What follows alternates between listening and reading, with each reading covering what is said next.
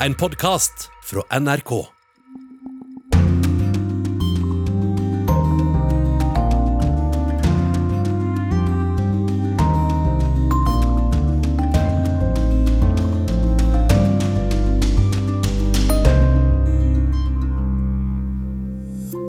Nesten 75% av verdens befolkning bor i land der demokratiet er på retur.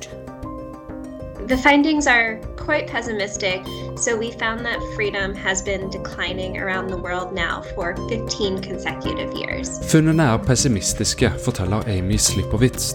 Det som har vært en nedadgående kurve i 15 år, ble enda brattere i fjor. Millioner av seere sitter klistret når en tyrkisk mafiaboss kommer med avsløringer om landets politikere på YouTube. Selv om det er en uke siden valget i Peru, er det fremdeles ikke klart hvem det er som blir landets neste president. Og vi skal åpne det siste korrespondentbrevet til Anders Magnus, og i vår sommerserie her i Urix på lørdag skal vi høre at kollega Yama Wollasmal for første gang oppsøkte psykolog etter en reportasjereise. Vel møtt til denne sendingen, jeg heter Marit Kolberg. Nesten 75% av verdens befolkning bodde i 2020 i land der pilene for demokratiet peker nedover. Det viser en fersk rapport fra stiftelsen Freedom House, en ikke-statlig organisasjon i USA som jobber for demokrati, og de har kartlagt den globale demokratiutviklingen siden 70-tallet. Og etter 15 år med nedgang så ble altså 2020 et verstingår. Bluss av håp er slukket flere steder i verden. Hvor begynner man en reportasje om forvitring av demokrati når det skjer i så omfattende grad så mange forskjellige steder? Vi kunne ha startet i Hviterussland, i Etiopia, i India. Vi kunne ha startet i USA.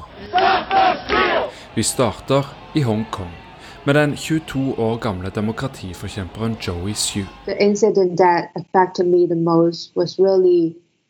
an incident that happened on 15th June 2019. Denne junidagen er hun på vei inn i et møte for å planlegge nye demonstrasjoner. På mobilen følger hun oppslukt med på et drama som utspiller seg ved et kjøpesenter i byen. En mann i gul regnjakke har klatret opp i et stillas. 17 meter over bakken demonstrerer han ensomt mot foreslåtte innskrenkinger av Hongkong-kineseres frihet. Det som så skjer, får hun ikke med seg. Hun har slått av mobilen og gått inn i møtet.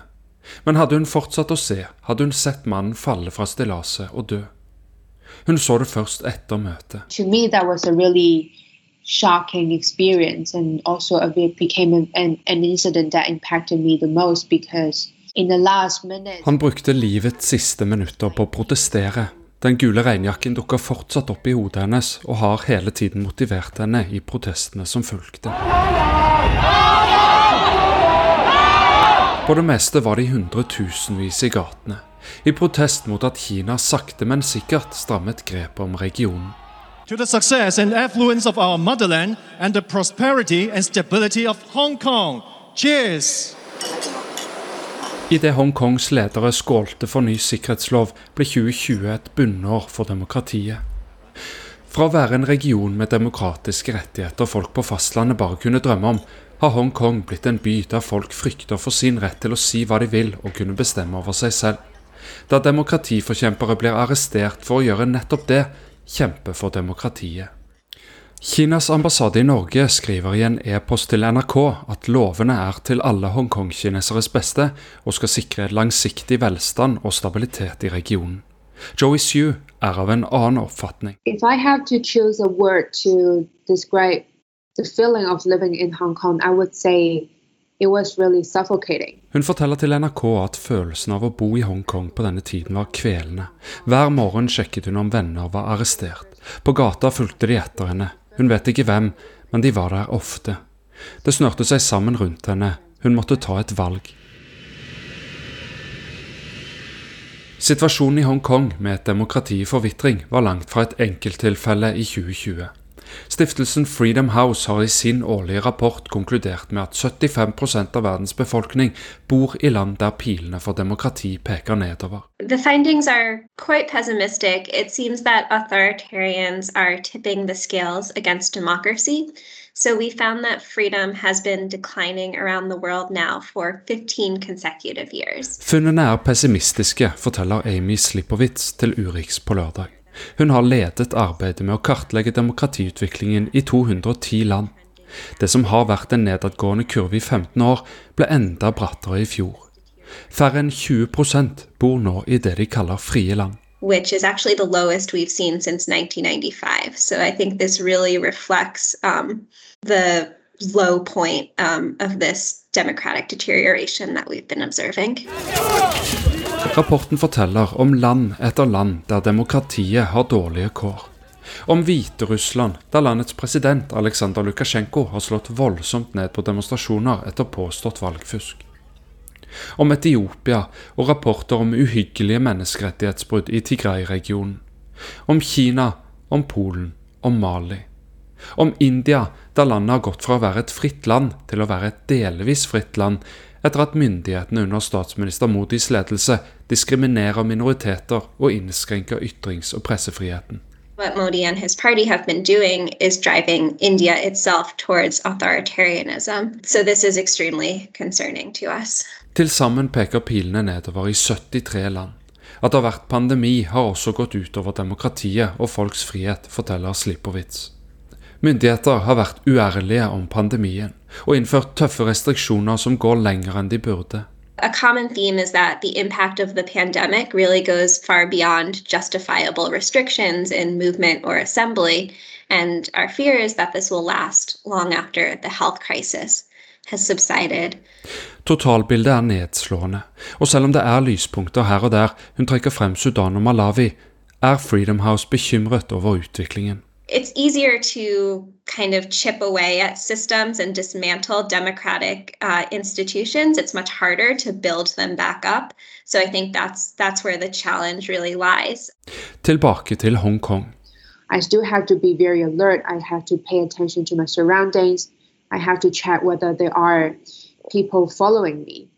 Og alltid måtte se seg over skulderen, og frykte fengsling, og være redd for å miste muligheten til å si fra.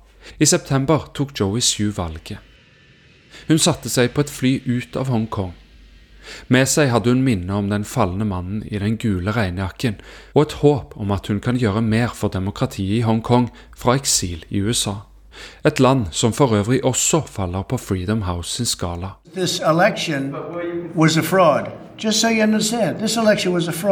Å se at demokratiske verdier kan utvannes av noen veldig få mennesker i et land.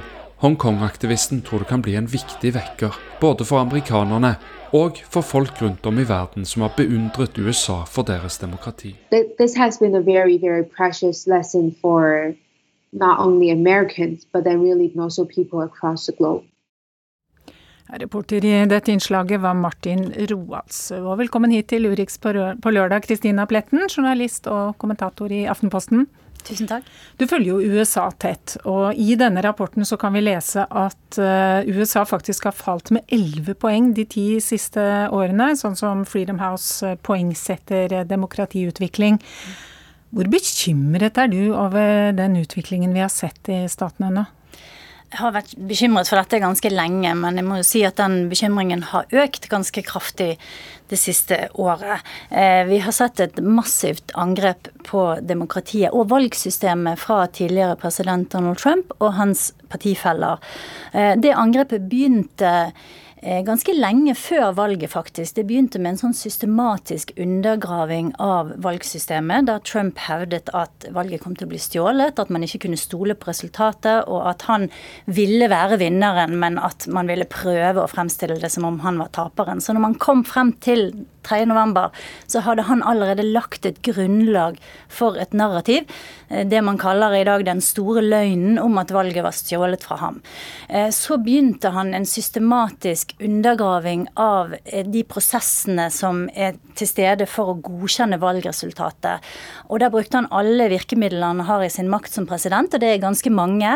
Og Det er alt fra å legge press på Justisdepartementet til delstatene, disse representantene og eh, administrative personer som sitter i delstaten og skal eh, eh, se, overse det, dette tellingen og godkjenningen. Eh, til sosiale medier til å spre sitt budskap. Og hele denne prosessen den endte jo med stormingen av Kongressen, som vi alle husker 6.1.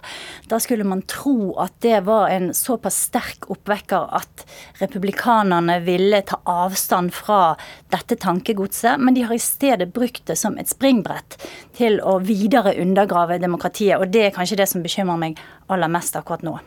Men dette er jo, som de jo også påpeker i rapporten, ikke en helt ny utvikling. Det har jo gått i feil retning i, i ti år, før Donald Trumps tid.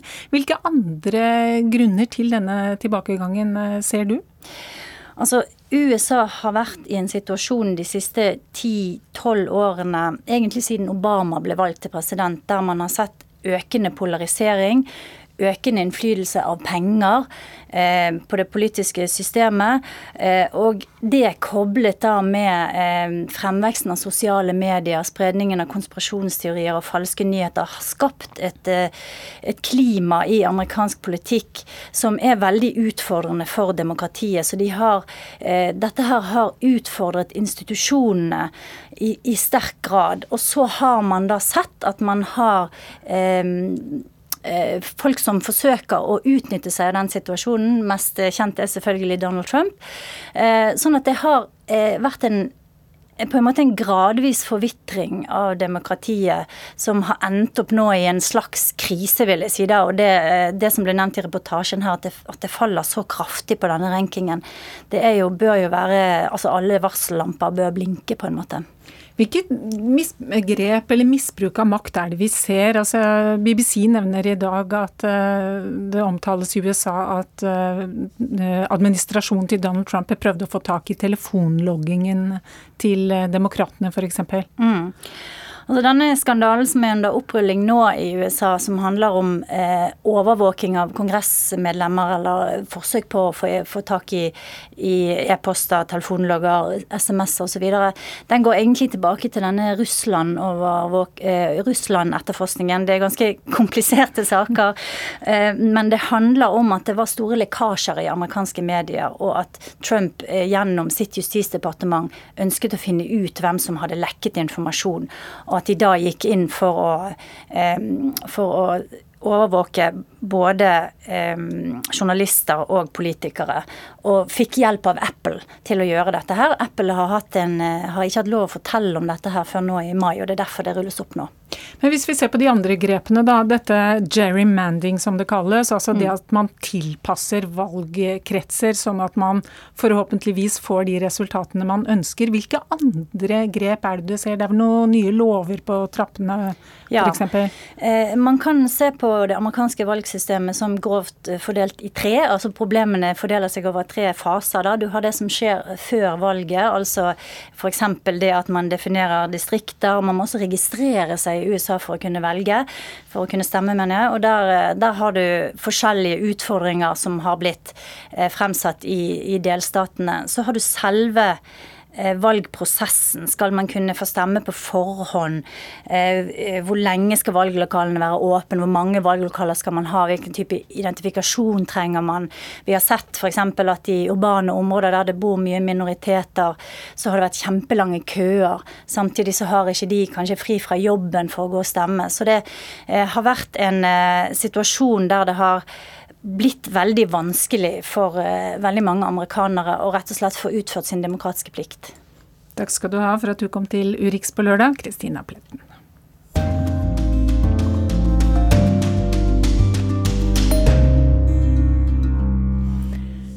Vi vender blikket mot eh, Tyrkia, for der sitter alle klistret til mobiler, PC-er og nettbrett nå hver eneste søndag. Da publiserer mafiabossen Sedat Peker en ny episode av sine avsløringer om kriminell virksomhet i kretsen rundt president Erdogan. Hele 75 millioner klikk har den eh, siste videoen fått. Har han lagt ut noe ennå? Ligger det på YouTube nå? Alle snakker om det hele tiden i Istanbul om mafiabossen Sedat Pekers mildt sagt oppsiktsvekkende videoer fra et ukjent sted, muligens i Emiratene. Hver søndag legger han ut en ny episode, ofte på flere timer, der han detaljert forteller om toppolitikernes roller i lyssky affærer.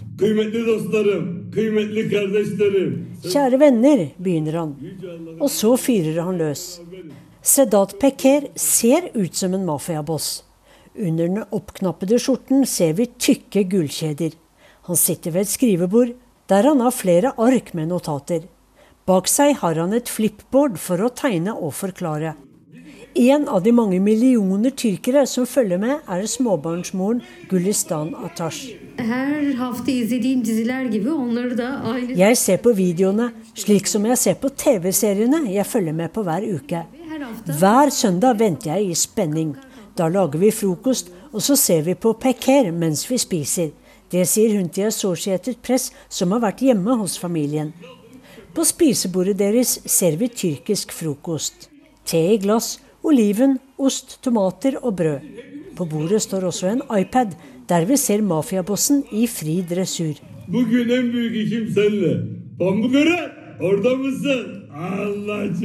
Noen tror på historien til jegeren før løven har fortalt sin, sier han, og legger ut om alt fra kokainhandel, politiske drap og våpenleveranser til hardkokte islamister i Syria. Han forteller om sønnen til tidligere statsminister Benali Gildrim, Erkan Gildrim. Han reiste til Venezuela for å sette opp en ny kokainrute fra Colombia til Tyrkia, med endestasjon Bodrum. Nei, sier faren.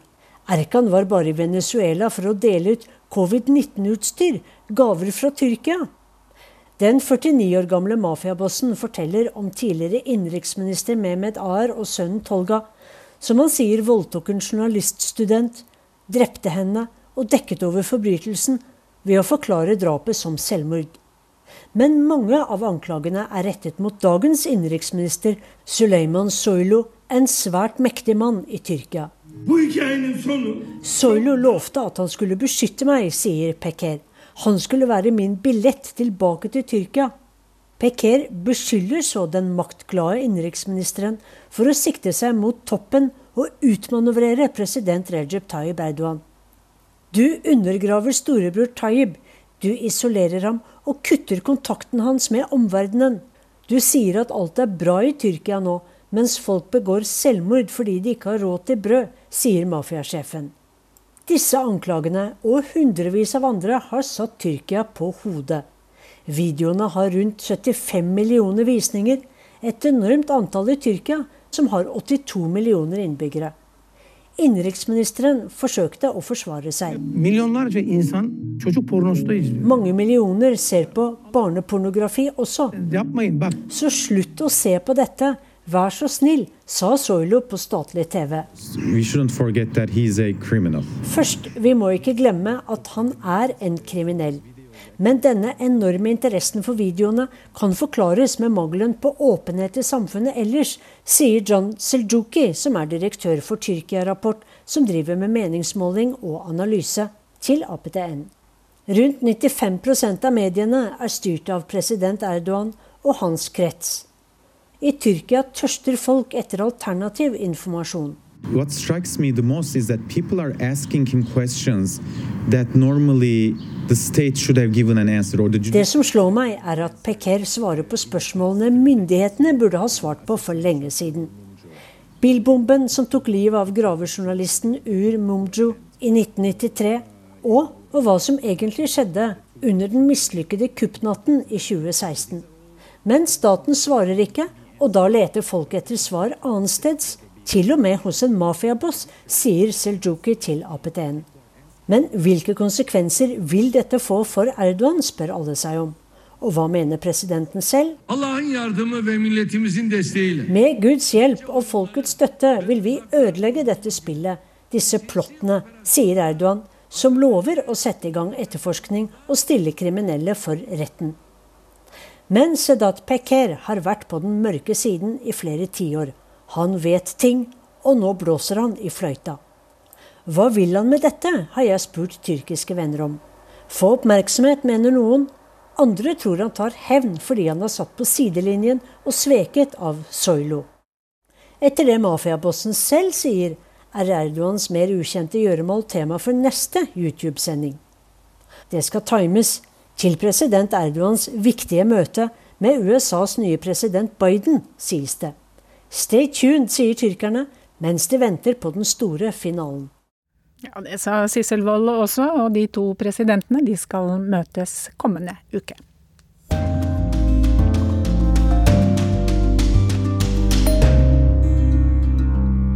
Nå til et valgdrama i Peru. Det er fortsatt ikke kåret noen vinner etter presidentvalget forrige helg, selv om venstresidens Pedro Castillo har fått flest stemmer. Høyrekandidaten Keiko Fujimori sier det har foregått valgfusk, og krever at flere hundre tusen stemmer blir kjent ugyldige. Tilhengerne til Pedro Castillo hyller sin kandidat fem dager etter presidentvalget.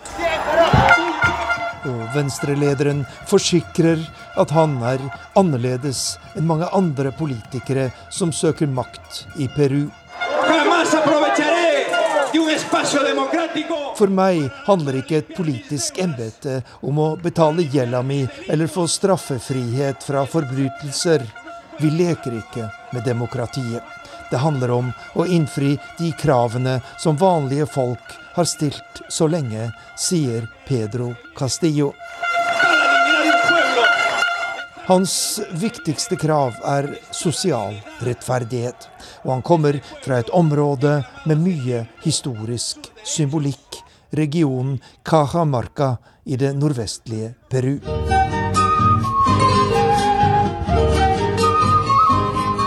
Det var i Cajamarca den spanske kolonimakten myrdet inkaenes konge og la deres høykultur i ruiner.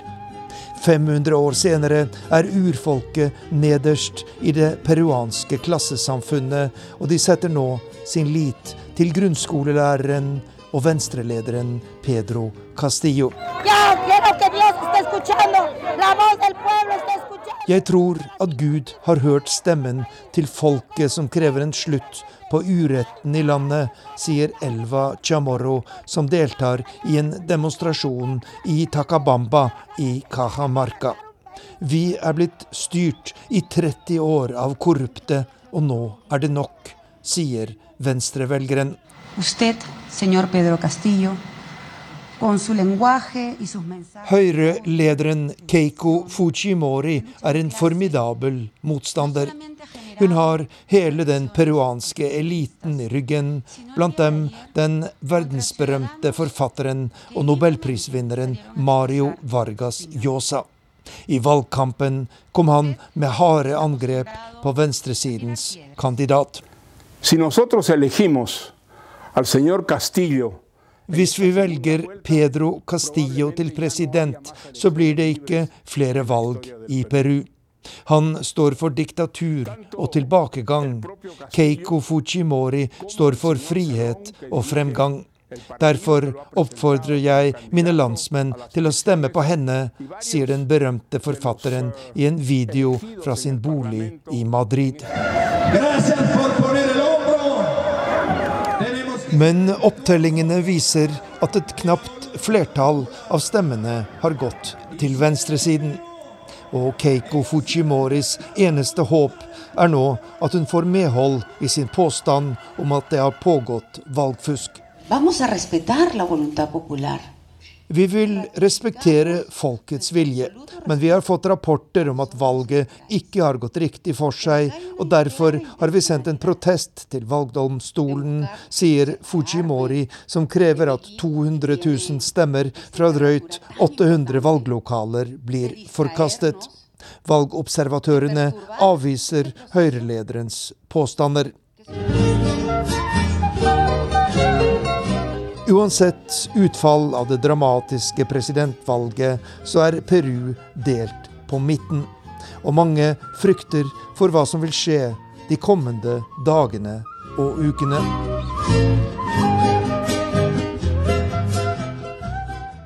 Ja, det sa vår Latin-Amerika-medarbeider Arnt Stefansen.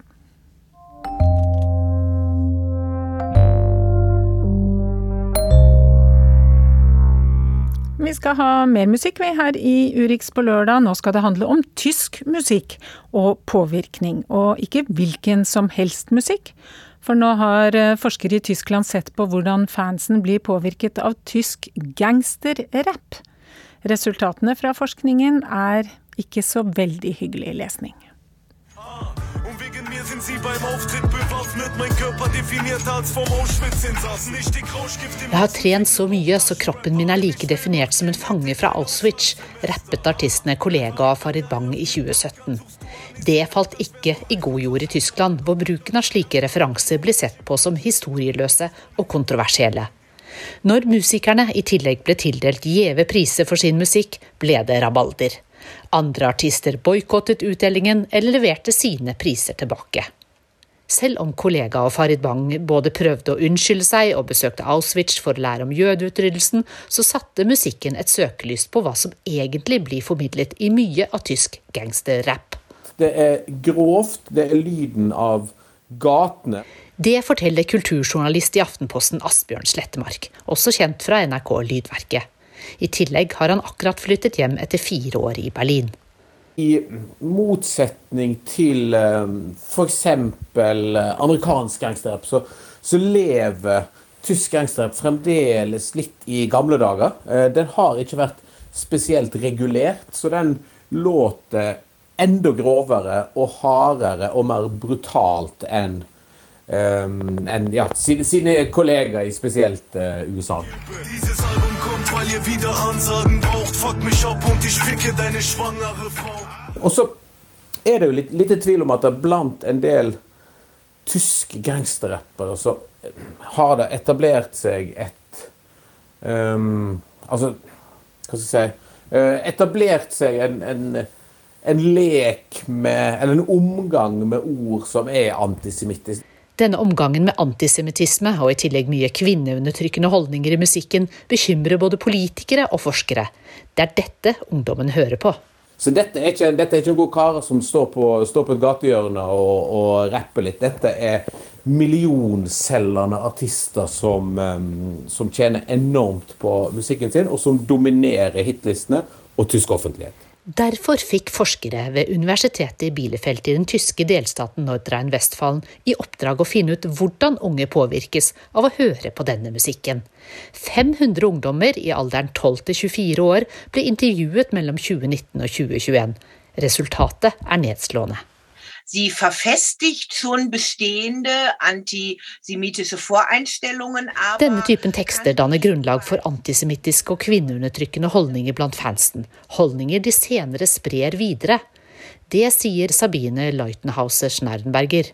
Hun har siden 2018 ledet Antisemittismekommisjonen i Nordrhein-Vestfalen, og det er hun som har bestilt forskningen. Hun kan også fortelle at mange av ungdommene knapt forsto referansene i tekstene. Nå vil hun ha informasjonskampanjer og videre diskusjoner. Og så må man kanskje prøve å forstå hvorfor det er blitt sånn. Asbjørn Slettemark forklarer.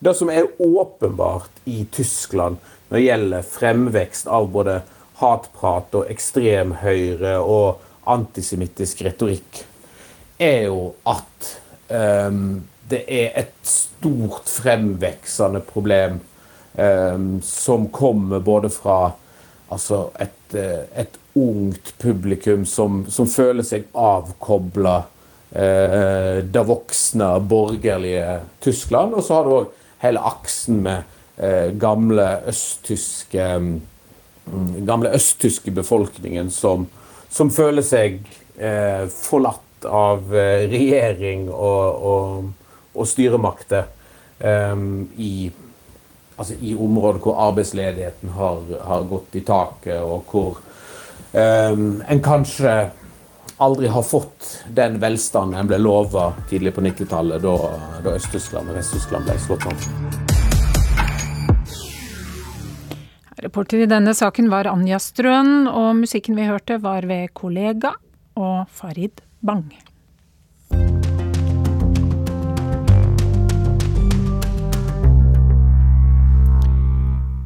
Så er vi kommet fram til ukas eh, korrespondentbrev her i Urix på lørdag. Det er det siste fra Anders Magnus i USA.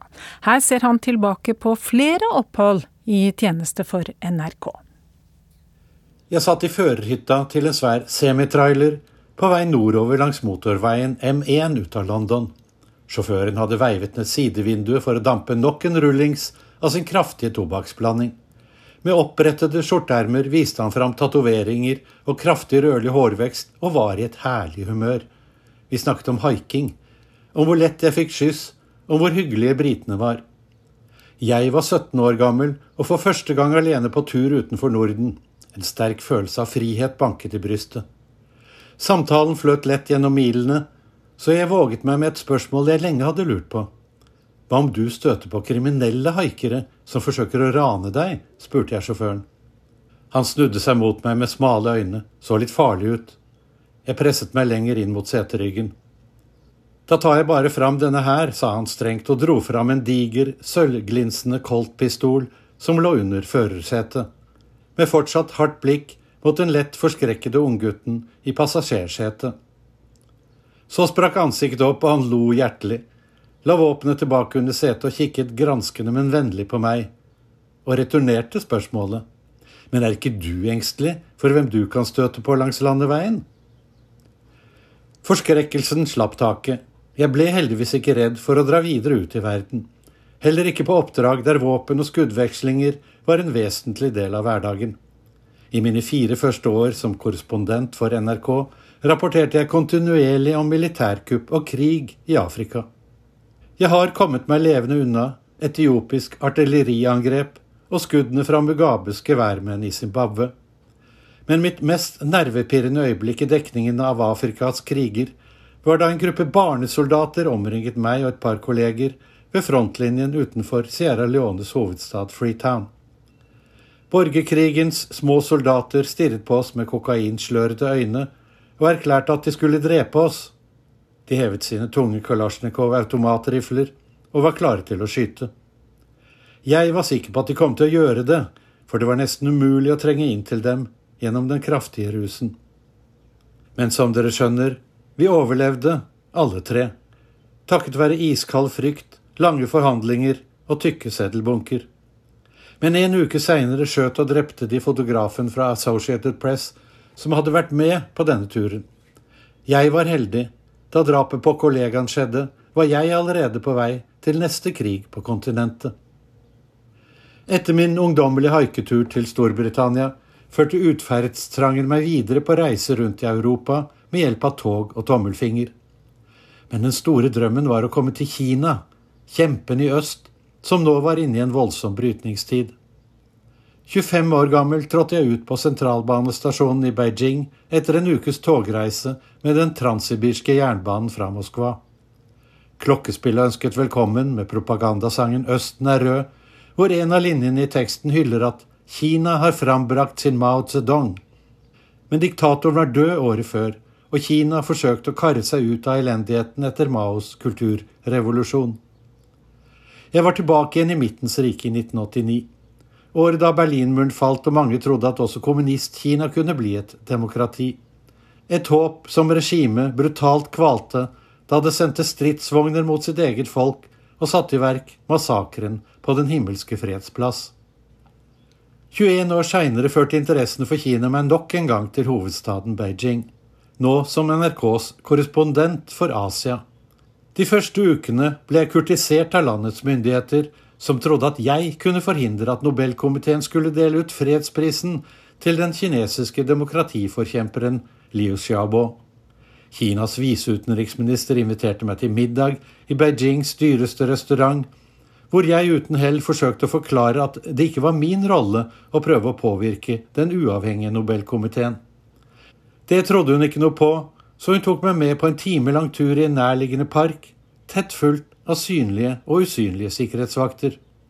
Her fortalte hun meg hvor ille det ville bli for Kina og Norge om en fengslet demokratiforkjemper skulle få fredsprisen, og hun oppfordret meg intens til å sørge for at det ikke skjedde. Men Liu Xiaobo ble belønnet med prisen, og etterpå fikk ikke bare Norge, men også jeg føle regimets pisk. NRKs nettsider ble forbudt i Kina, og de neste fire årene tok ingen offentlig ansatte telefonen når jeg ringte. Kona og jeg ble fotfulgt av etterretningsagenter som også låste seg inn i hjemmet vårt. Opposisjonelle som jeg intervjuet, ble trakassert og arrestert, og overalt, både på nett og telefon, merket vi overvåkningen fra det hemmelige politiets massive kontrollapparat. I denne korrespondentperioden var det ofte en lettelse å kunne fly over havet til Tokyo, for å kunne puste fritt, både fysisk og mentalt. Vekk fra Beijings kvelende forurensning og politiovervåkning, til et demokrati med ren luft og høflige japanere. Men ikke i mars 2011. Da rammet jordskjelvet og tsunamien Nord-Japan, etterfulgt av katastrofen ved atomkraftverket i Fukushima. 20 000 mennesker døde. Jeg har sett mange naturkatastrofer i mitt yrkesliv, men ingen av et slikt omfang. Flodbølgen hadde bokstavelig talt knust kystbyene til pinneved, og store områder innover i landet var ubeboelige pga. radioaktiv stråling. Vi var i en apokalypse, som om atomkrigen hadde startet og med en fiende vi ikke kunne se. Den radioaktive strålingen var usynlig og farlig, og vi var ute i denne lufta og rapporterte hjem til Norge, altfor nær det eksploderte atomkraftverket. I min ungdomstid var Latin-Amerika det mest populære reisemålet for studenter og andre loffere. Jeg dro tidlig av gårde til den sørlige delen av det amerikanske kontinentet. Da jeg mange år etter kom tilbake til Amerika, ble det litt lenger mot nord, som NRKs korrespondent i USA. Jeg diskuterte med kona om jeg skulle søke denne jobben, og argumenterte med at disse årene nok kom til å bli mye roligere enn periodene vi hadde hatt i Afrika og Asia. Men så vant Trump valget. Aldri noen gang i mitt over 40 år lange reporterliv har jeg jobbet så mye og så intenst som her over dammen. Som om ikke Trump skapte nok nyheter, så kom fjorårets hete sommer og høst med demonstrasjoner og opptøyer over hele USA, utløst av politidrapet på svarte George Floyd. Pluss en pandemi som hittil har tatt livet av nesten to millioner mennesker i Nord- og Sør-Amerika. Det har blitt en lang reise siden jeg fikk min første jobb i NRK for 43 år siden. Jeg har fått besøk et flertall av verdens stater og har rapportert som journalist fra 76 land i seks verdensdeler Europa, Asia, Afrika, Nord- og Sør-Amerika og Oseania. Utviklingen i yrket har vært formidabel gjennom disse årene, særlig på det tekniske området. Da jeg begynte å jobbe i NRK, brukte vi ofte gode gammeldagse filmkameraer for å lage TV-reportasjer. I dag kan vi filme det samme med kamera på mobiltelefonen. Når jeg skriver dette korrespondentbrevet, har vulkanen Nyragongo i den vestlige delen av Den demokratiske republikken Kongo nettopp hatt et utbrudd. Forrige gang Nyiragongo sprutet ut sine glødende masser, var jeg der og rapporterte for NRK hvordan byen Goma lå begravet i svart lava. Den gang, i januar 2002, var det ikke så enkelt å gå direkte på TV. Jeg måtte ha hjelp fra et medieselskap som hadde kjørt inn en svær satellittsender og et fem minutters direkte innslag på Dagsrevyen kostet 20 000 kroner. I dag kunne jeg gått direkte fra Goma nesten gratis, med hjelp av en app på mobiltelefonen. Enda mer interessant enn den teknologiske framgangen i nyhetsbransjen er den politiske utviklingen i verden jeg har fått observere i mine år som journalist og korrespondent. Da jeg startet i NRK, var de aller fleste landene i Latin-Amerika, Afrika og Asia diktaturer eller hadde autoritære regimer. Men særlig etter Berlinmurens fall og Sovjetunionens sammenbrudd skjedde det en rask utvikling i retning av reelt folkestyre. Så da jeg i 2017 tok fatt på siste etappe i korrespondentlivet, hadde store deler av verden kastet av seg de autoritære makthaverne. Til og med i Kommunist-Kina øynet man en framgang, selv etter massakren i 1989. Håpet var at når økonomien ble liberalisert, ville politikken følge etter. Men slik gikk det ikke, tvert imot. Etter at kommunistpartiets leder Xi Jinping tok kontrollen i Kina, og Donald Trump sikret seg makten i det republikanske partiet i USA, har vi sett et tilbakeslag for demokratier over hele verden. I Kina har regimet utviklet enda mer avanserte kontroll- og overvåkningssystemer enn da jeg bodde der, og håpet om en demokratisk framtid for Hongkong er knust. I USA støtter nå flertallet både politikere og velgere i det republikanske partiet Donald Trumps løgn om at han egentlig vant presidentvalget i fjor.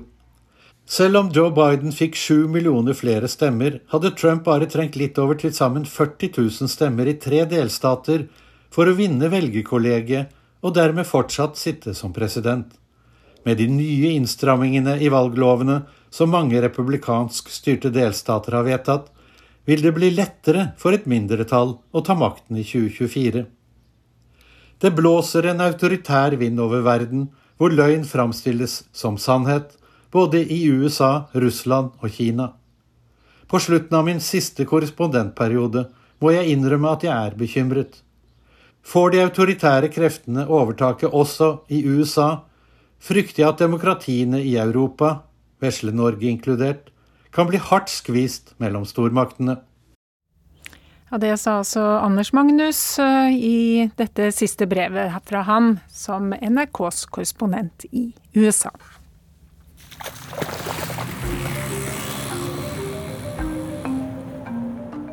For første gang faktisk i min 16 eh, år lange journalistkarriere så ba jeg faktisk om psykologhjelp. Det var etter den siste Afghanistan-turen min for et par måneder siden, eh, hvor jeg møtte en, en, annen familiefar, en ung fyr som hadde mistet kone, høygravid kone og en to år gammel sønn i en eksplosjon om bord i en buss. Hele verden hans ble revet vekk på et sekund. Og da gikk også tankene tilbake hjem til min egen kone og mine egne barn. Og den saken gjorde såpass sterkt inntrykk at jeg ba om psykologhjelp. Nå i sommer blir vi bedre kjent med NRKs korrespondenter. Både nåværende og nye i vår sommerspesial fra NRK Urix. I dag Mitt navn er Yama Wolasman. Jeg er NRKs Midtøsten-korrespondent og bor for tiden med familien min i Beirut i Libanon. Hvordan er det å bo i Beirut, Yama? Det er et fantastisk sted. Det er kanskje det mest misforståtte stedet i hele Midtøsten. Eh, og det er kanskje ikke så rart når vi hører det som kommer ut av nyheter fra dette landet. Eh, det er økonomisk kollaps og politisk kaos og uro i gatene fra tid til annen.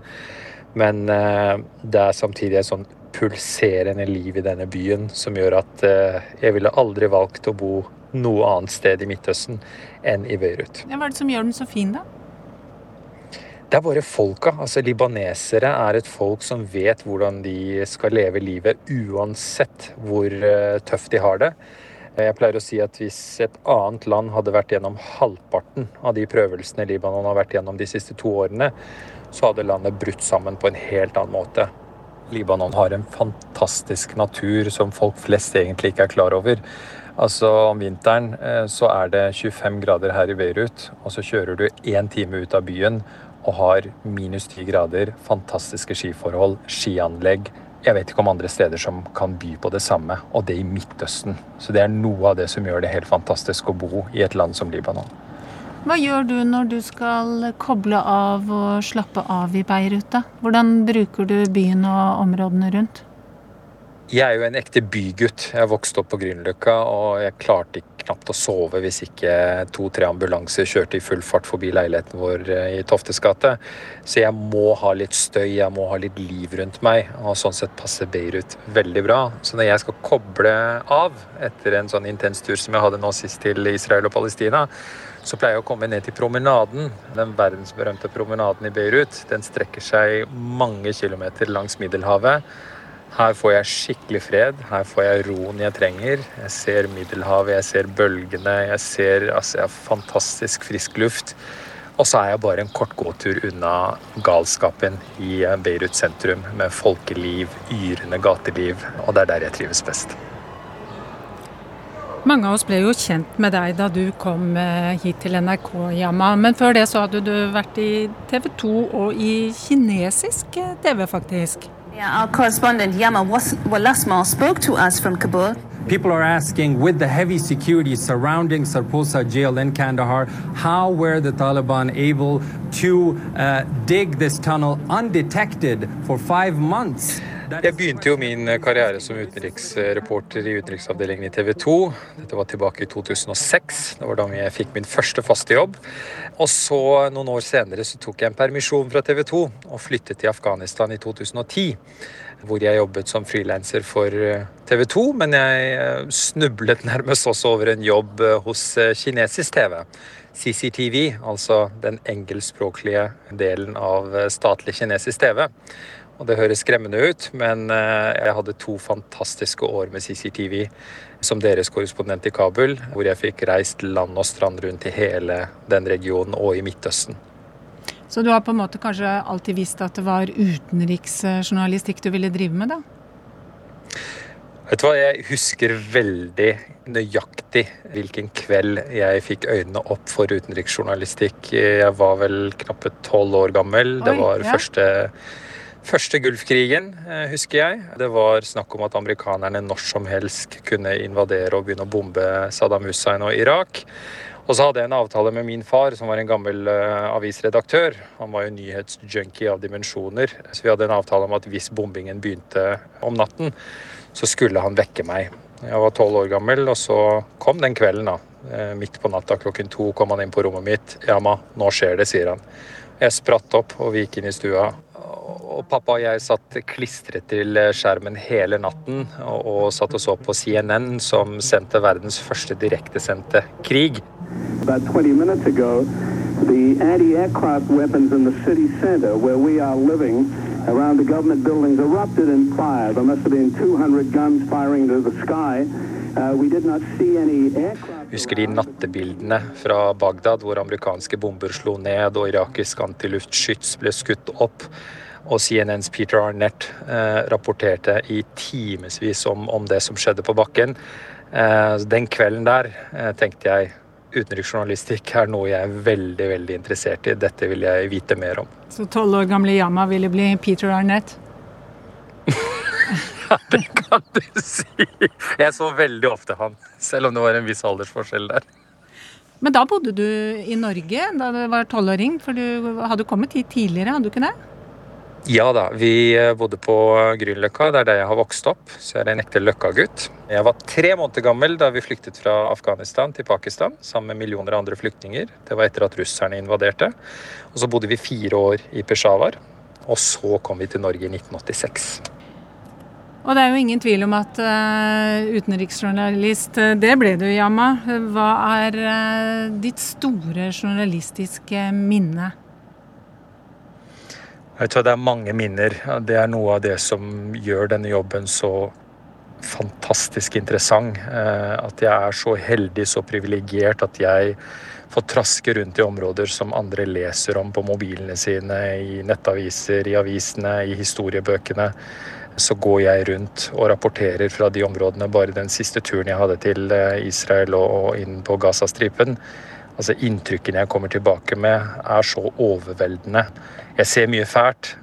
Så det er enkelthistoriene som gjør sterkt inntrykk. Spesielt det ene møtet mitt med en palestinsk familiefar eh, som mistet fire barn og kone i eh, en israelsk bombing. Leiligheten deres ble rammet midt på natta, og han eh, satt fast under ruinene, var ved bevissthet og fortalte den grufulle historien om hvordan han hørte barna sine rope om hjelp uten at han kunne stille opp.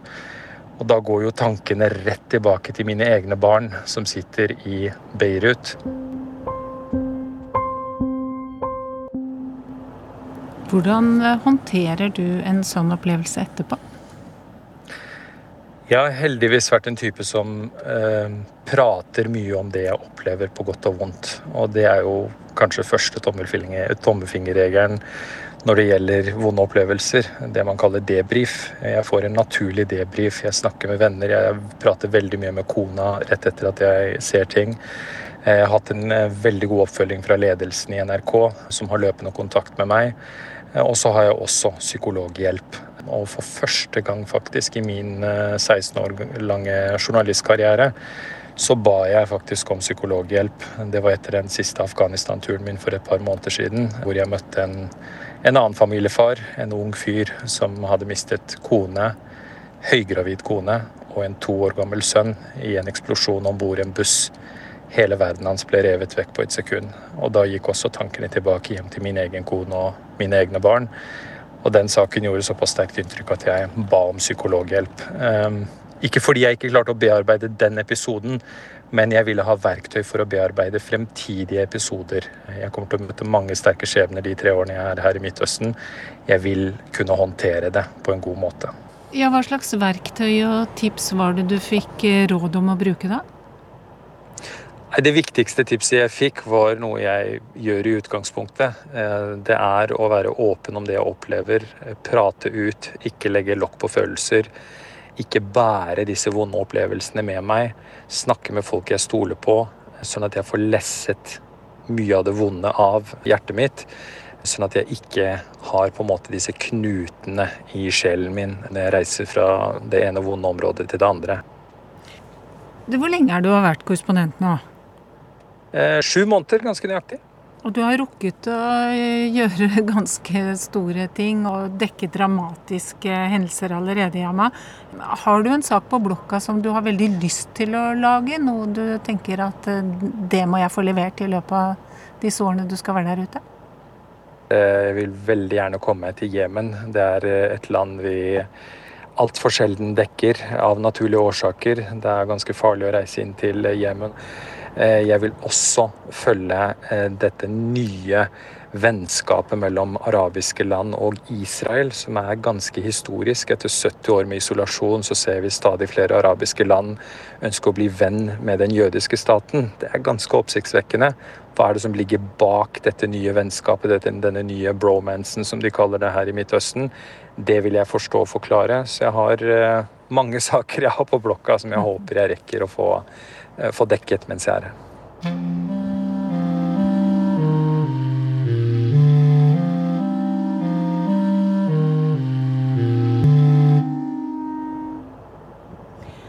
Hva er de største frustrasjonene? Altså, hva er det som irriterer deg mest og sliter mest eh, på deg eh, med den jobben du har?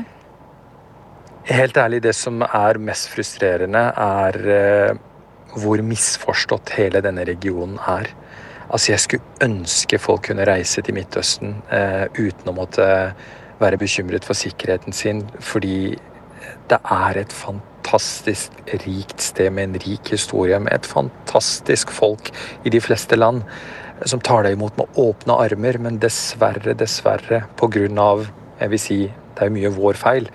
Pga. de nyhetene vi dekker fra denne regionen, så er det jo ikke rart at folk ser på dette som en urolig, en ustabil, en farlig region. Men før det så er det noe helt annet som står på agendaen din, Yama Wolasmal. For eh, nå skal du ganske snart ut i pappaperm, du? Jeg tima den pappapermen ganske bra, syns jeg.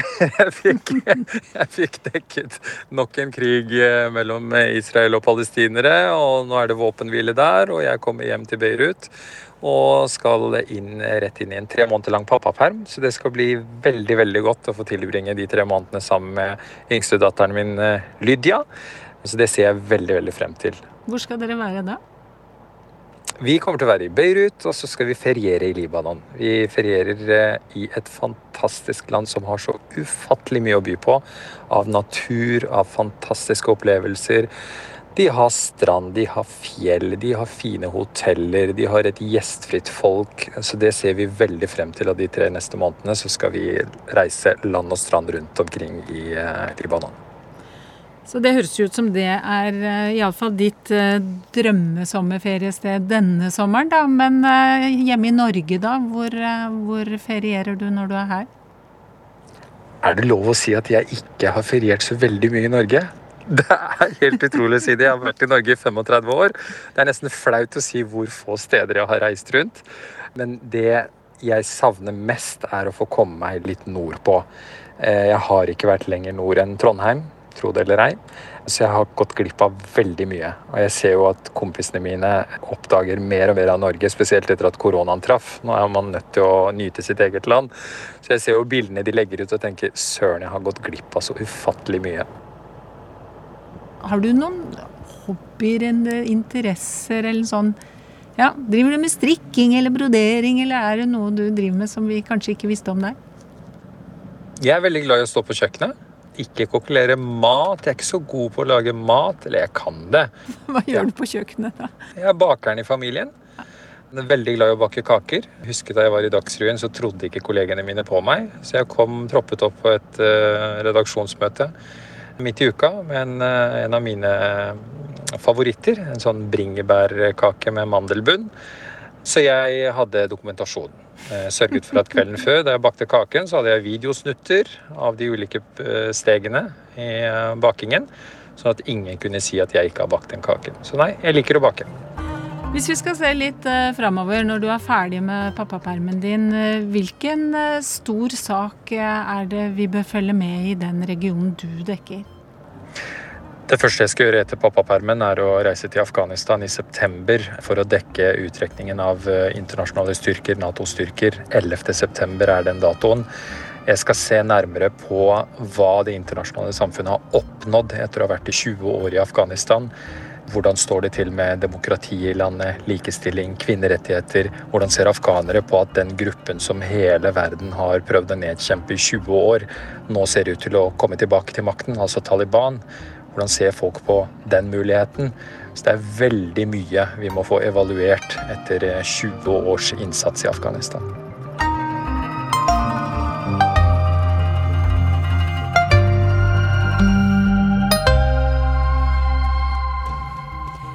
Og med det runder vi av Urix på lørdag denne, for denne gang. Teknisk ansvarlig var Finn Lie, produsent Tormod Brekke Øye. Her i studio, Marit Kolberg.